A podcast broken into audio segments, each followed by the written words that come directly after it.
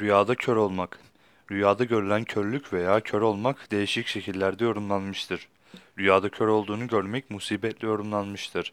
Rüyada görülen kör, cahil, ahmak, garip ve dinsiz bir kimseyi işaretle yorumlanmıştır. Rüyasında kör olduğunu gören kimse, büyük bir mirasa konar veya konacağını yorumlamışlardır. Bazı yorumcular uyku aleminde kör olmak dinde sapıklığa yani inanç bozukluğuna veya Kur'an-ı Kerim'i unutmaya işaret olarak yorumlamışlardır. Fakir bir kimsenin rüyada kör olduğunu görmesi, onun zengin olacağına, fakirlikten kurtulacağını işarettir. Hapishanede tutuklu bulunan bir kimsenin rüyada kör olduğunu görmesi, hapisten kurtulacağının işaretle tabir olunur. Bazı yorumcular rüyasında kendisini kör olduğunu gören kimse, dinini yani inancını kaybeder şeklinde yorumlamışlardır. Bazı yorumcular rüyada görülen kör olmak, dince sapıklığa yani inanç bozukluğuna, akrabasından büyük bir mirasa ereceğine ve zengin olacağını işaret olarak yorumlanır demişlerdir.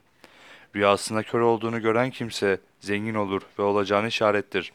Kör olduğunu gören kimse Kur'an-ı Kerim'i unutur ve unutacağını işarettir. Bir kimse rüyasında bir adamı kör ettiğini görse, o kimse kör ettiğini gördüğü kişiyi sapıklığa yani dini inancını bozmaya sevk eder, düşürür şeklinde yorumlanmıştır.